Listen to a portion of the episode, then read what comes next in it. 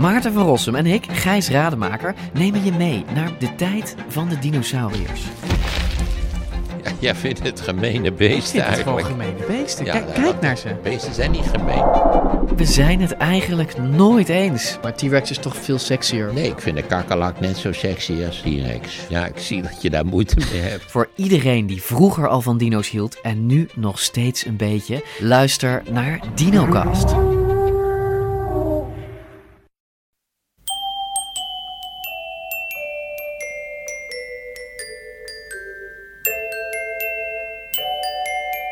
Welkom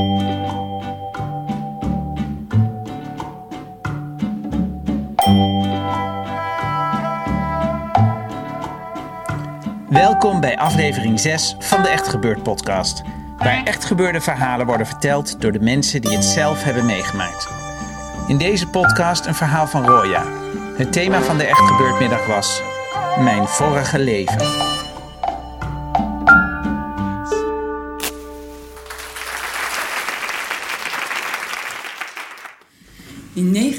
1979 werd de Iraanse revolutie, islamitische. En op dat tijd was ik eh 15 jaar.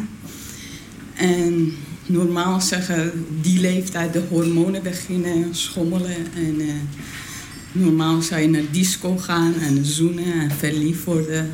En dat kon niet, omdat eh, in Iran was een revolutie. Toen op gegeven moest ik met mijn hormonen iets doen. En eh, toen dacht ik, nou, na de demonstratie en het vechten... en eh, kan ik op een straat schreeuwen voor vrijheid.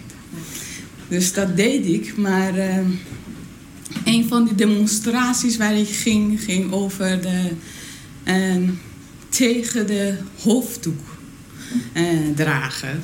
En op een gegeven moment met geweld werden we uit elkaar gehaald. En gek genoeg, twintig jaar later, hier zag ik in Amsterdam mensen demonstreren omdat hun hoofddoek wilden houden. Ik kon helemaal niets van begrijpen. Dacht, hier is omgekeerde wereld.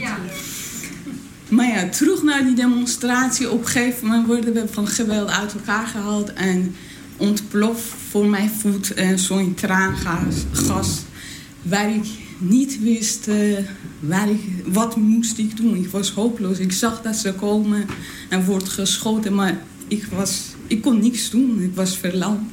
Op een gegeven moment, vriend pakte mijn hand en trok me. En eh, konden we wegvluchten. En onderweg, dat we uit elkaar gingen, een jonge man klopte aan de schouders van die vriend. En toen hij draaide zich om, een man van acht of zo ging hem aanvallen. En op dat moment kwam een soort woede bij mij dat ik niks kon doen tegen de geweld, wat eigenlijk je wil gewoon je normale vrijheid. En ik was op dat moment zo woedend, ging ik bij het kruispunt waar heel veel auto's er stonden, gewoon schreeuwen van de, natuurlijk die hormoonopstand en ook die eh, eigen onrecht. Dat de tegenauto's schoppen en zeggen dat de mensen, waarom kunnen jullie niet zien, waarom niemand doet iets aan. Maar op een gegeven moment stond ik tien minuten aan schreeuwen, maar ik durfde niet meer weg van de kruispunt. Want ik wist als ik hem weg ga, word ik opgepakt. Toen blijf ik gewoon in middenweg en niemand rijden. En eh, op een gegeven moment kwam een jonge vrouw met een kind. Ze zei tegen mij, kom maar met mij mee. En op dat moment kwam nog een, iemand langs en zei, stap maar in de auto, ik breng je weg. Dus op die manier ben ik ontsnapt van eh, opgepakt worden. Toen kwam ik thuis en vertelde ik aan... Ik ging naar mijn kamer, omkleden. En toen mijn kleine nichtje van zes eh, was bij mij... en zag dat ik allemaal onder de blauwe plekjes was. Dat wist ik zelf ook niet. Toen eh, zei ze, wat is er gebeurd? Ik vertelde haar. En toen, tien minuten later, kwam mijn vader. Er was hele gezin, familie bij elkaar. En zei die, kom maar hier. En uh, ze gingen allemaal zitten in de woonkamer. En ik was gek op planten kweken en eh, kweken. en mijn vader pakte een van die plantjes waar ik gek op was. En dan kwam hij naar mij toe en ging die plant voor mijn ogen helemaal stuk maken. En werd ik weer opstandig toen mijn vader zei tegen mij... Wat, wat voor gevoelens heb je dat ik met jouw plant zoiets heb gedaan? En toen vertelde ik dat ik heel erg vind, want ik heb voor die plant gezorgd en het is gezond en mooi. En toen zei hij, wat denk je als er iets met jou gebeurt, wat voor gevoelens zou ik krijgen? Dus hij heeft mij niet verboden, dus ik ging maar door. en, uh, en uh, op een dag uh, had ik, die mevrouw zei over wapenhandel. Dus dacht ik, ik moet doen verder gaan, want demonstratie helpt niet, dus pak ik de wapens. En dan moest ik die wapens, tasje met wapens, wegbrengen naar anderen. En doordat die bus heel vol was, dus ik miste mijn bushalte. En diegene die ik zou die tas aan haar geven, zag ik bij de telefooncel, werd ze opgepakt. Toen dacht ik, nou, ik ga niet uitstappen. En uh, toen heb ik de tas in de bus gelaten en ben ik volgende bushalte uit de bus gestapt. Dus ik weet niet wat er met die wapens gebeurt, maar... Uh, maar op, op een avond kwam mijn zus en zei... Nou, je broer, mijn broer was uh, in front toen tijdens de Irak- en Iran-oorlog. Met chemische wapenbombardement uh, zijn ogen beschadigd. Dus hij ging naar Turkije naar zijn dienst. En hij had geld nodig. Toen mijn zus zei, nou, kan jij misschien die geld naar hem toe brengen? Ik zei, ja, zeker. En, uh, en ik zou voor na twee weken terugkomen als ik geld heb terug uh, naar hem gebracht. En die avond, die, iedereen kwam bij ons om afscheid te nemen.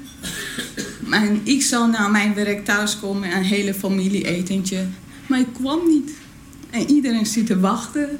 Waar is ze? En dan werd acht uur, negen en tien. Uh, onderweg van werk naar huis werd ik opgepakt omdat ik in plaats, in plaats van jurk te dragen, had ik uh, zo'n jasje, had ik winterjas aan. En dat mocht niet. En mijn hoofddoek, door mijn hoofddoek een stukje van mijn nek kon je zien. En een stukje van mijn arm.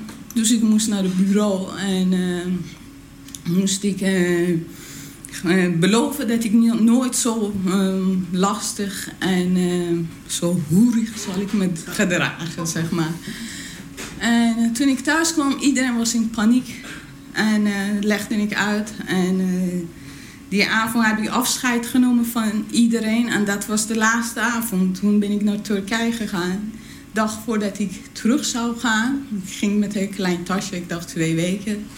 En toen mijn vader belde, het was beter dat ik nooit meer terugkwam. En uh, ja, toen ben ik uh, daarna hierheen gekomen. En nog steeds gebeurt hetzelfde met de volgende generatie. Dus die, eigenlijk, ik voel me ook een beetje schuldig.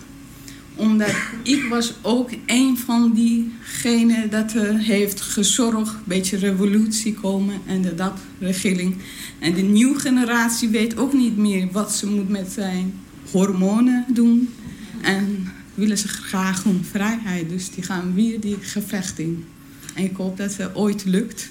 Nu is het 30 jaar. Ja, dat was mijn verhaal.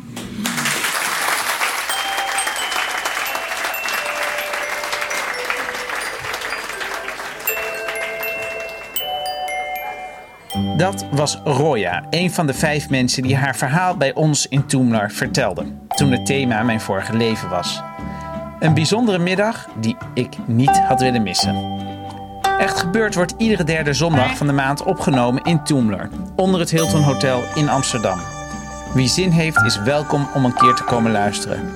Heeft u zelf een bijzonder verhaal te vertellen? Of wilt u er gewoon een keer bij zijn als er echt gebeurde verhalen worden verteld? Ga dan naar www.echtgebeurtintoemler.nl. Dat is één lang woord zonder puntjes. Op www.echtgebeurtintoemler.nl kunt u zien wat voor de rest van dit jaar onze thema's zullen zijn. U kunt zich er ook opgeven voor onze nieuwsbrief. Bovendien is Echt Gebeurd ook te vinden op Facebook. De redactie van Echt Gebeurd bestaat uit Paulien Cornelissen, Rosa van Dijk en mijzelf, Micha Wertheim. De techniek is in handen van Vrijman en Vrijland. Dit was de tweede, wat zeg ik nou, zesde podcast van Echt Gebeurd. Vertel het vooral door. Wie nog meer voor ons wil doen, kan even naar de iTunes winkel gaan om een recensie achter te laten. Bedankt voor het luisteren en tot de volgende podcast.